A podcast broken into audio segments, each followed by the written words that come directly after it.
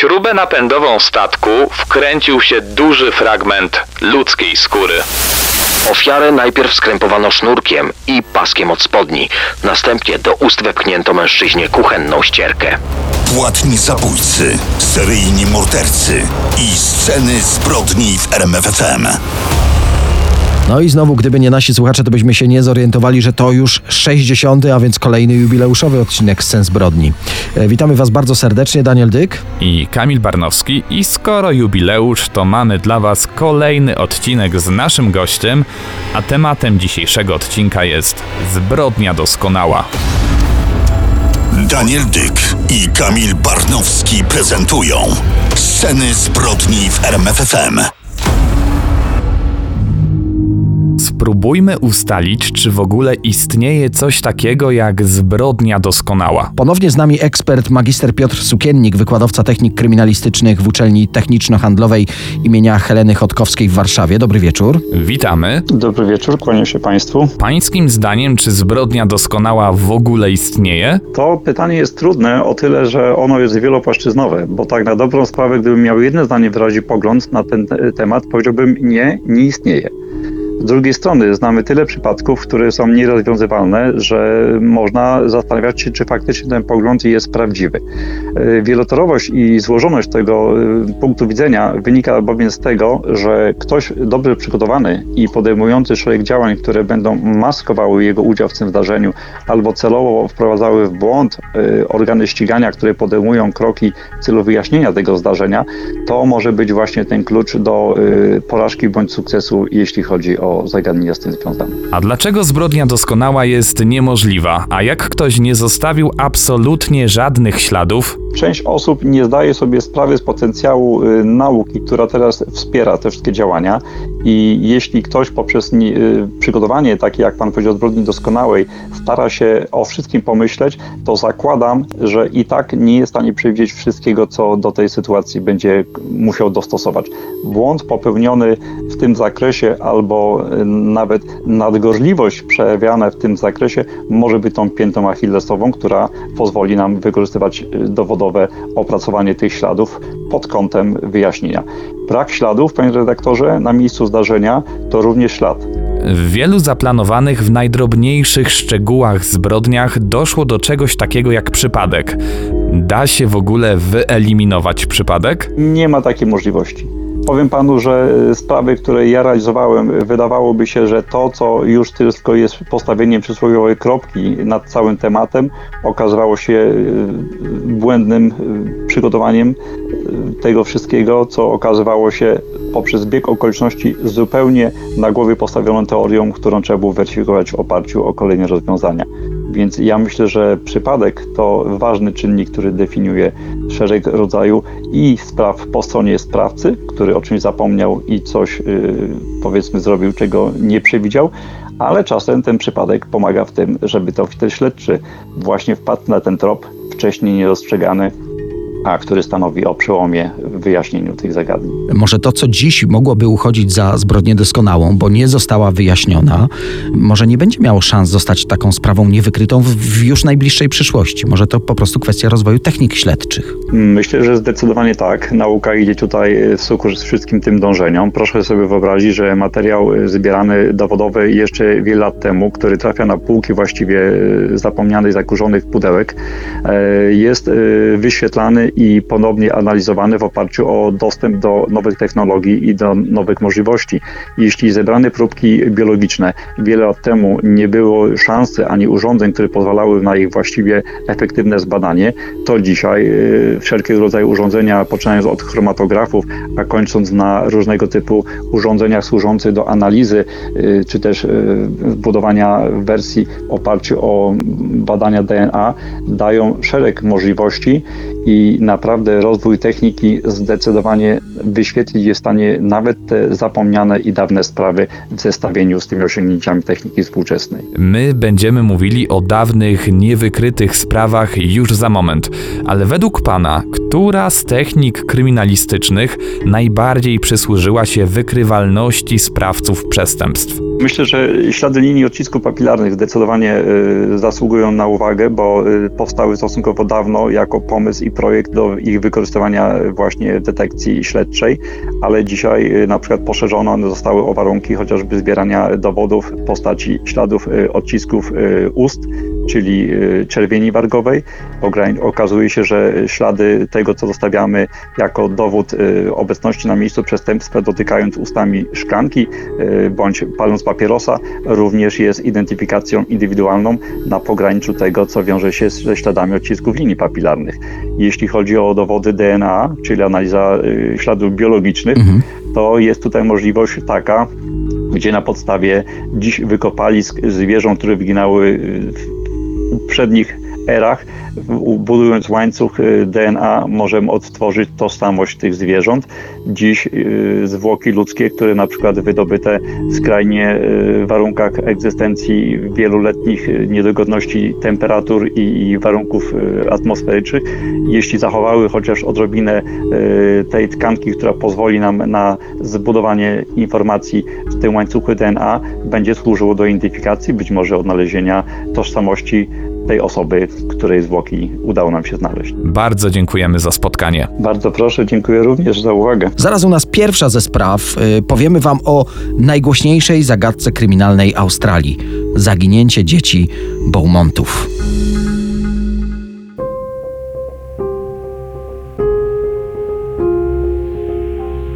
Dzisiaj mówimy o tym, że nie ma zbrodni doskonałej, to tylko kwestia śledztwa i użytych w nich technik detektywistycznych. Te nowe wiele zmieniają i pozwalają wrócić do nierozwiązanych spraw. Więc być może i ta doczeka się jakichkolwiek rozstrzygnięć, bo tutaj tak naprawdę niczego nie wiadomo. Czas na tajemnicze zaginięcie dzieci Beaumontów. Od tego tragicznego dnia minęło prawie dokładnie 55 lat. Przenieśmy się do 26 stycznia 1966 roku. W Australii to środek lata, do tego święto, Dzień Australii, tradycyjnie obchodzony głównie na spotkaniach rodzinnych, wyjazdy na łono natury. Dla Beaumontów ten dzień nie skończył się radośnie. Beaumontowie, y, można powiedzieć, typowa australijska rodzina, klasa robotnicza. Tato Grant, zwany przez przyjaciół Jimem, były mechanik i kierowca firmy taksówkowej. No i jego żona Nancy mieszkali na przedmieściach Adelaidy. Mają troje dzieci, dziewięcioletnia Jane, siedmioletnia Arna i czteroletni Grant Jr. Niedaleko ich domu znajduje się Glenelg Beach, miejsce popularnych spacerów chętnie odwiedzane przez turystów. To także ulubione miejsce tej rodziny. Na plaży Glenelg bywali często, właściwie nawet dzień wcześniej. Tato, jak często to się zdarzało, przywiózł tutaj swoje dzieciaki i po prostu je zostawił. No ale wówczas tak się po prostu robiło. Jak zawsze za opiekę nad rodzeństwem odpowiedzialna była najstarsza córka. No właśnie, ale jednak tylko dziewięcioletnia. To Jane.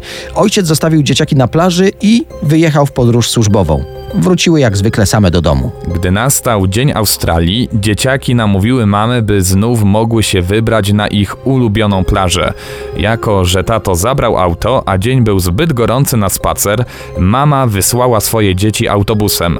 Złapali ten o 8.45 rano, a jako, że to zaledwie 3 km, więc 5 minut później byli już nad oceanem. Mama zapowiedziała im, że mają wrócić do domu na obiad. Był akurat powrotny autobus o 12.00. Nancy tylko lekko się niepokoiła, gdy nie przyjechały dzieci właśnie tym kursem w samo południe. Wiadomo jak to jest, dobra zabawa, pewnie się spóźniły, zagapiły, przyjadą na pewno następnym. Ale kursem o 14.00 dzieci też nie przyjechały do domu. No i teraz matka była już poważnie zaniepokojona. Chwilę później do domu wrócił ojciec, Jim. Udało mu się przyjechać wcześniej, marzył o odpoczynku po długiej trasie, ale ani na moment się nie zastanawiał. Natychmiast pojechał na plażę szukać dzieci. Sprawdził ich ulubione miejsca i nic. Wrócił więc do domu i razem z żoną zaczęli przeszukiwać najbliższe okolice ich osiedla. Rozpytywali sąsiadów, a około 17.30 zgłosili zaginięcie lokalnej policji w Glenelg. Niemal natychmiast rozpoczęły się poszukiwania. Na pewno gdzieś się bawią, w końcu to Australia. Kraj bezpieczny, otwarty. Nie mogło się przecież im stać nic złego. Po przeszukaniu plaży rozszerzono zakres poszukiwań. Sprawdzono, czy nie doszło do wypadku, no czy na przykład nie utopiły się w oceanie. Przeszukano także okoliczne wzgórza, może tam poszły się bawić i straciły poczucie czasu. Zaczęto sprawdzać okoliczne budynki, e, później przystań, także stację kolejową, e, trochę dalej lotnisko. Nic, ani śladu. Dzień po zniknięciu tytuły w australijskiej prasie nie były zbyt optymistyczne. Troje zaginionych, przeszukiwanie plaży. I tak dowiedziała się o zaginięciu cała Australia. Sprawa stała się głośna, bo takie rzeczy po prostu się nie zdarzały. Co ciekawe, dziwne, dodatkowo podejrzane, policzono, że dzieci miały ze sobą 17 przedmiotów typu ręczniki, torby plażowe, jakaś zabawka. Żadnej z tych rzeczy nie odnaleziono, tak jakby ktoś zadbałby, wszystko zabrały ze sobą. No właśnie ktoś. Pojawili się również świadkowie, zaczęli opowiadać, że widzieli trójkę odpowiadających rysopisowi dzieci w towarzystwie jakiegoś szczupłego, wysokiego blondyna w średnim wieku, mocno opalonego. Eksperci zaczęli wypowiadać się w mediach o możliwych motywach. Y, Pojawiła się teza, że mogło to być jakieś uprowadzenie, że mógł go dokonać jakiś dewiant. No i w niedzielnym wydaniu najpoczytniejszej gazety w Australii szokujący tytuł Obawiamy się teraz przestępstw seksualnych. Przypomnijmy, mija właśnie 55 lat od zaginięcia trójki dzieci w Australii. Dziewięcioletnia Jane, siedmioletnia Arna i czteroletni Grant zniknęli na zatłoczonej plaży w dniu święta narodowego. Dzieciaki pojechały na plażę same, ale robiły tak już często. Jednak to była pierwsza tego typu sprawa w Australii. W całym kraju narastał strach. Tak naprawdę właśnie to zaginięcie dzieciaków sprawiło, że rodzice zaczęli, no powiedzmy, mniej beztrosko traktować swoje maluchy. Sprawa była tak głośna, tak medialna, że diametralnie zmieniły się kwestie bezpieczeństwa dzieci w Australii. Po prostu nikt nie chciałby powtórzył się u nich w rodzinie przypadek rodziny Beaumontów. Obiecaliśmy powiedzieć o najpopularniejszych teoriach, którymi podążało śledztwo. Najwięcej czasu poświęcono teorii uprowadzenia. Wspominaliśmy, że kilku świadków miało widzieć trójkę podobnych dzieci na plaży, ale w towarzystwie szczupłego, wysokiego blondyna po trzydziestce, dobrze opalonego w kąpielówkach. Dzieci zdawały się go znać, dobrze się czuły w jego towarzystwie. No i to jest właśnie niezwykłe, bo ich rodzice określali dzieci jako zamknięte, nieufne. Niemal niemożliwym jest ich zdaniem, żeby tak zaufały komuś, kogo spotkały tego samego dnia. E, Mama dzieci przypomniała sobie, że kilka dni wcześniej siedmioletnia Arna dokuczała swojej starszej siostrze Jane, tej dziewięcioletniej, że ta znalazła sobie chłopaka. No wówczas mama nie pomyślała nawet, że mogłoby chodzić o kogoś starszego, znacznie starszego. I tak śledczy uznali, że ten mężczyzna od wielu dni zdobywał zaufanie tej trójki. Jeden ze sklepikarzy, który znał dzieci, zauważył, że miały dużo więcej pieniędzy niż zwykle. To też mogło sugerować, że jakiś dorosły daje im pieniądze na słodycze. Wracając do tego feralnego dnia, ustalono, że koło południa ów mężczyzna ubrał się i wyszedł z dziećmi z plaży. Dzieciaki miały być widziane w jego towarzystwie także w pobliskiej cukierni oraz w rezerwacie w pobliżu tej plaży. Szukano no, jakiegokolwiek śladu dzieci. Rozpytywano wszystkich, którzy mogli tu być, czy ktoś pamięta tę zaginioną trójkę lub przypomina sobie ich towarzysza. Po wielu miesiącach pojawił się kolejny trop. Kobieta zauważyła, że do opuszczonego domu po sąsiedzku wprowadziła się rodzina, mężczyzna z trojgiem dzieci, no ale to przecież nic podejrzanego. No właśnie, tyle że kilka godzin później z domu wyszedł kilkuletni chłopiec. Mężczyzna wybiegł za nim, dogonił go, brutalnie złapał i wciągnął z powrotem do domu. Sąsiadce nie dawało to spokoju, więc następnego dnia poszła sprawdzić, czy wszystko u tych nowych sąsiadów w porządku. Ale dom znów był zupełnie opuszczony. Szukano mężczyzny, ale przepadł jak kamień w wodę. No skoro takiego porównania użyłeś, to kolejna hipoteza utonięcie. Przecież rzecz działa się na plaży nad oceanem. Jako, że w dniu zaginięcia jedna z plażowiczek, tak wieczorem koło 19, rozmawiała z trójką dzieci mających jej zdaniem przypominać Bołmont, Beaumontów, a rozmawiała z nimi w pobliżu przystani, więc teren całej przystani osuszono.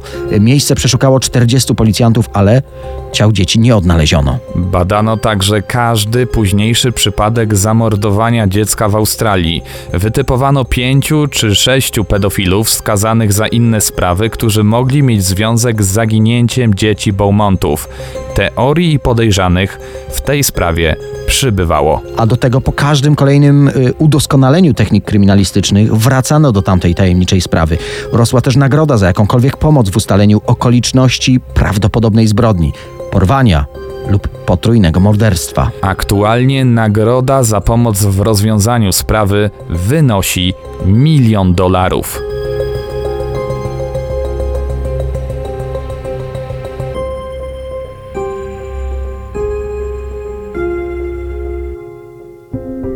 Czas wybrać się do Łodzi. I to jest największa seria morderstw w historii polskiej kryminalistyki z tych niewyjaśnionych. Zaczęło się 19 czerwca 1988 roku.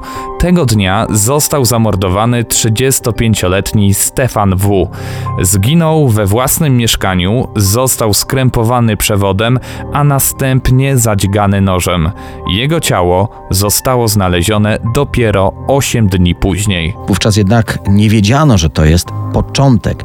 Rok później kolejne łódzkie mieszkanie i też po tygodniu od morderstwa znaleziono ciało 40-letniego Jacka C. Ofiarę najpierw skrępowano sznurkiem i paskiem od spodni, a następnie do ust wepchnięto mu kuchenną ścierkę. Mężczyzna udusił się. Kilka miesięcy później trzecie morderstwo 50-letni Bogdan J.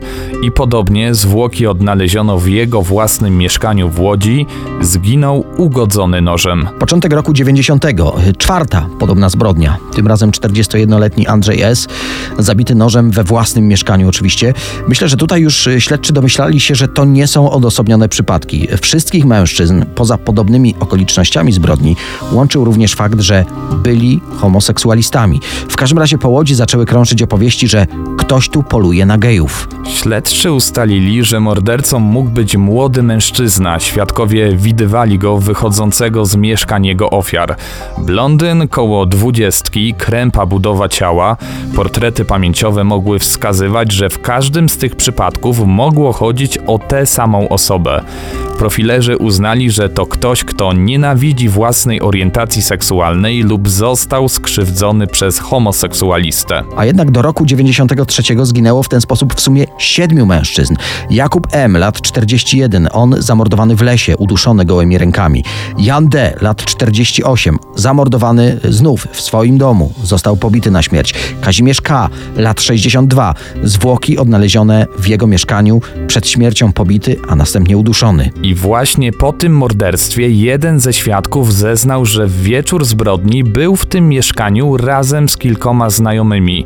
Wyszedł jako przedostatni, w mieszkaniu Kazimierza K. został tylko chłopak o imieniu Roman. No i coś, co potwierdziło przypuszczenia profilerów, świadek zapamiętał, że Roman opowiadał, że jako nastolatek trafił do poprawczaka i tam został wykorzystany przez jednego z wychowawców. Podał też wiele szczegółów na temat wyglądu chłopaka, charakterystycznych tatuaży, a nawet miejsca jego potencjalnego zamieszkania. A jednak policjanci nigdy nie zdołali zatrzymać sprawcy. Jedna z hipotez mówi, że mężczyzna mógł być zarażony wirusem HIV. W każdym razie jeden z y, partnerów seksualnych tego domniemanego mordercy zmarł na AIDS. Taki los mógł spotkać i jego samego. To mogło tłumaczyć, dlaczego seria jego zabójstw nagle ustała. Ale podkreślamy, to tylko teoria, której jak dotąd nie udało się udowodnić.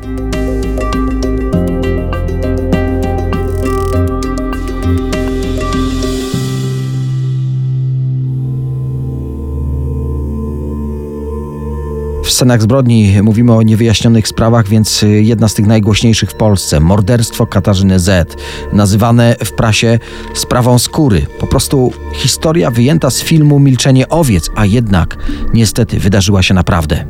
Jest kilka minut po godzinie 16, 6 stycznia 1999 roku, Kraków, niedaleko zapory wodnej Dąbie.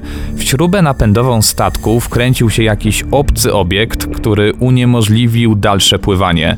Podczas usuwania usterki okazało się, że był to duży fragment ludzkiej skóry. Później w tym miejscu znaleziono jeszcze inne części ciała.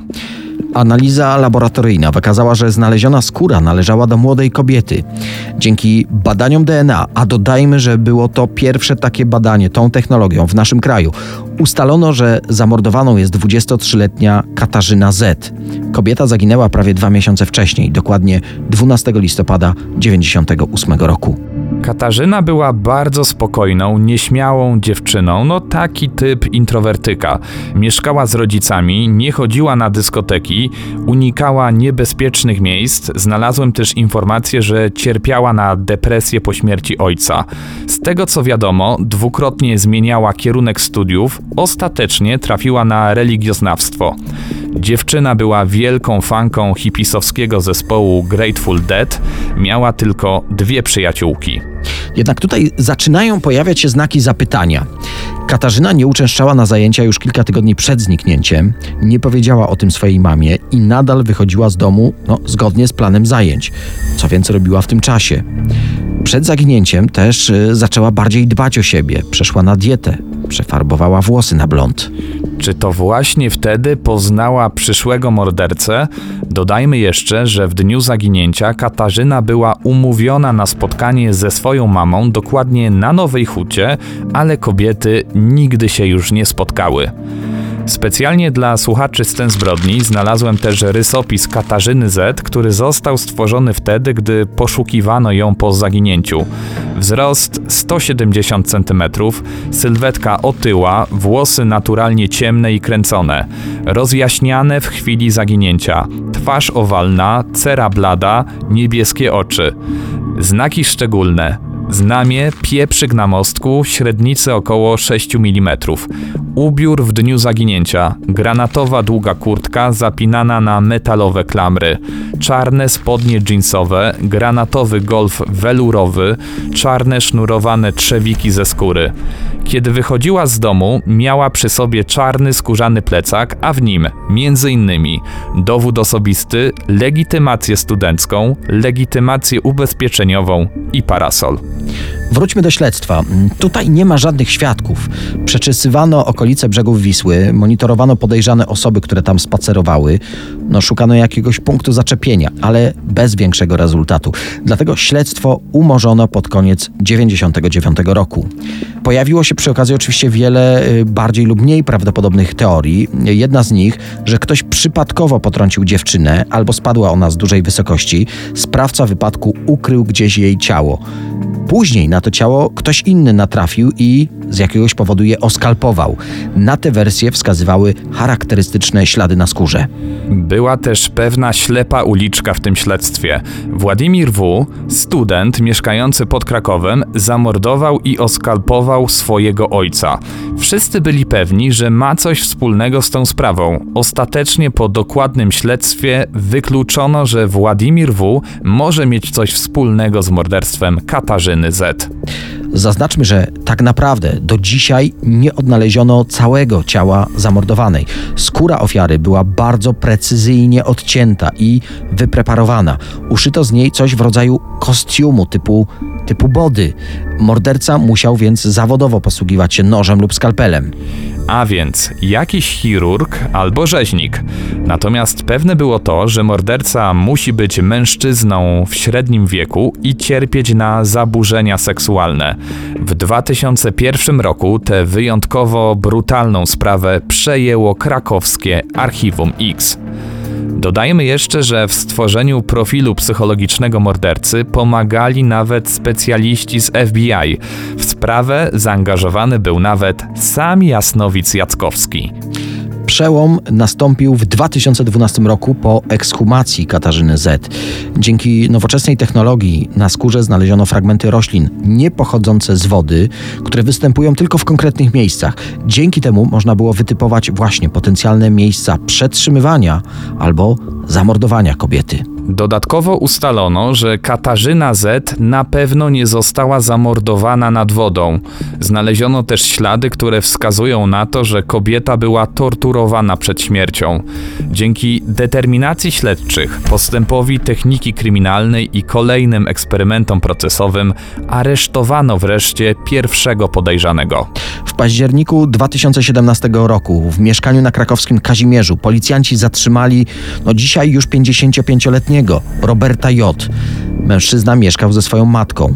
Technicy przeanalizowali dosłownie każdy centymetr kwadratowy tego mieszkania. Trafiłem na informację, że do badań odesłano całą ciężarówkę gruzu z tego mieszkania. Według prokuratury w łazience podejrzanego znaleziono włosy należące do Katarzyny Z.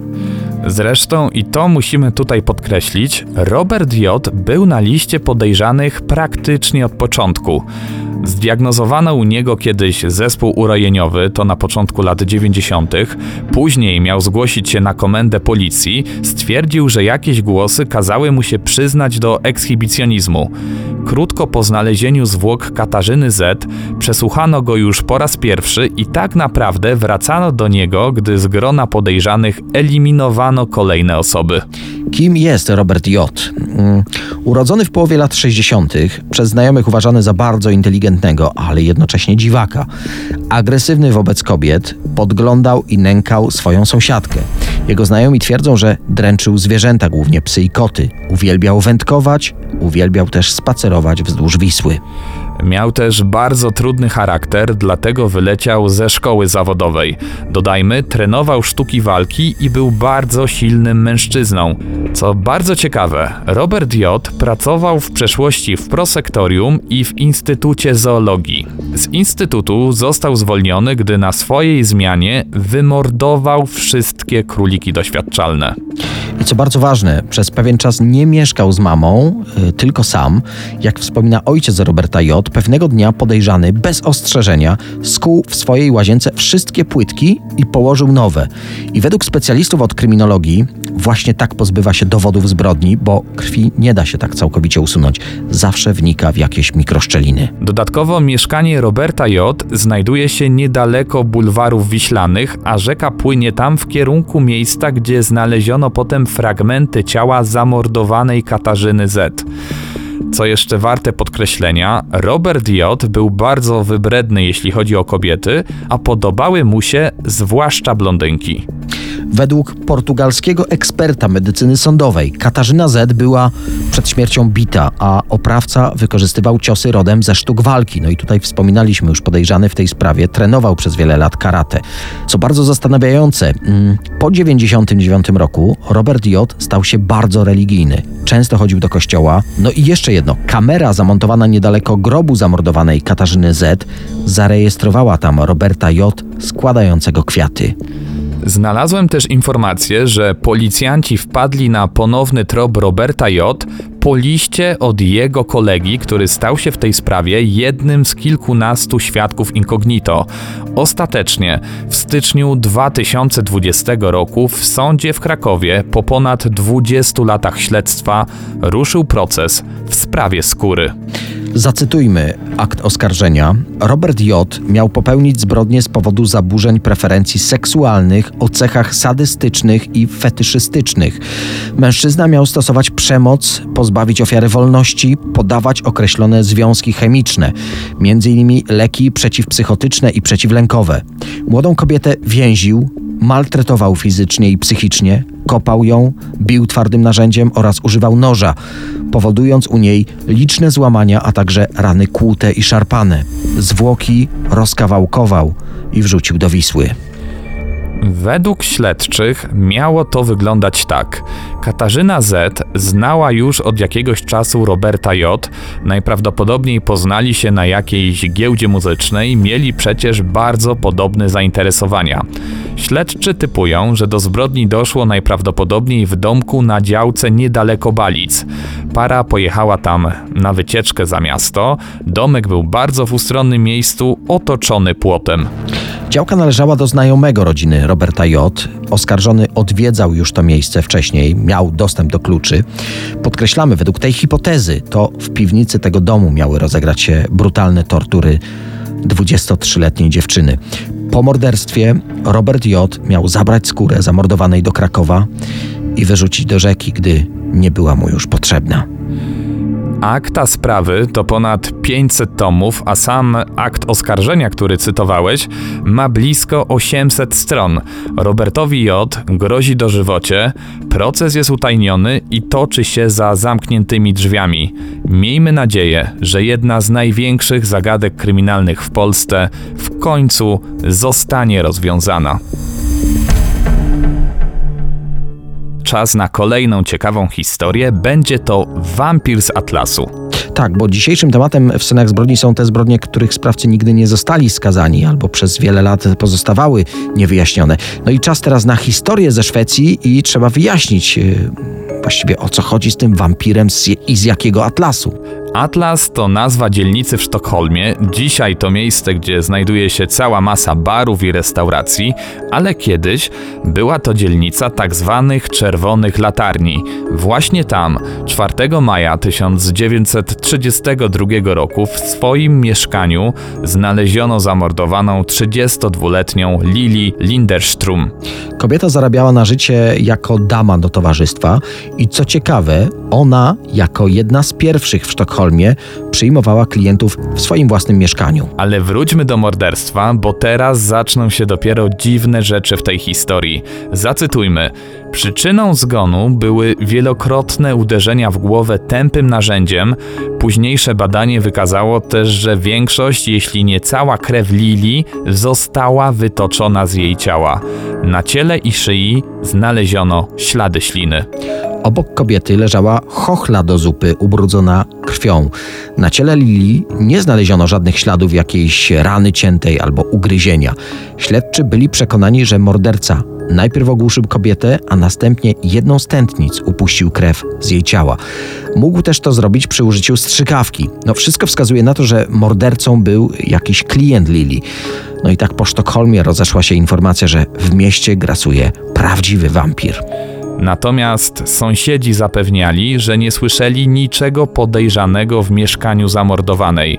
Najprawdopodobniej morderca pozostawioną chochlą pił krew zamordowanej.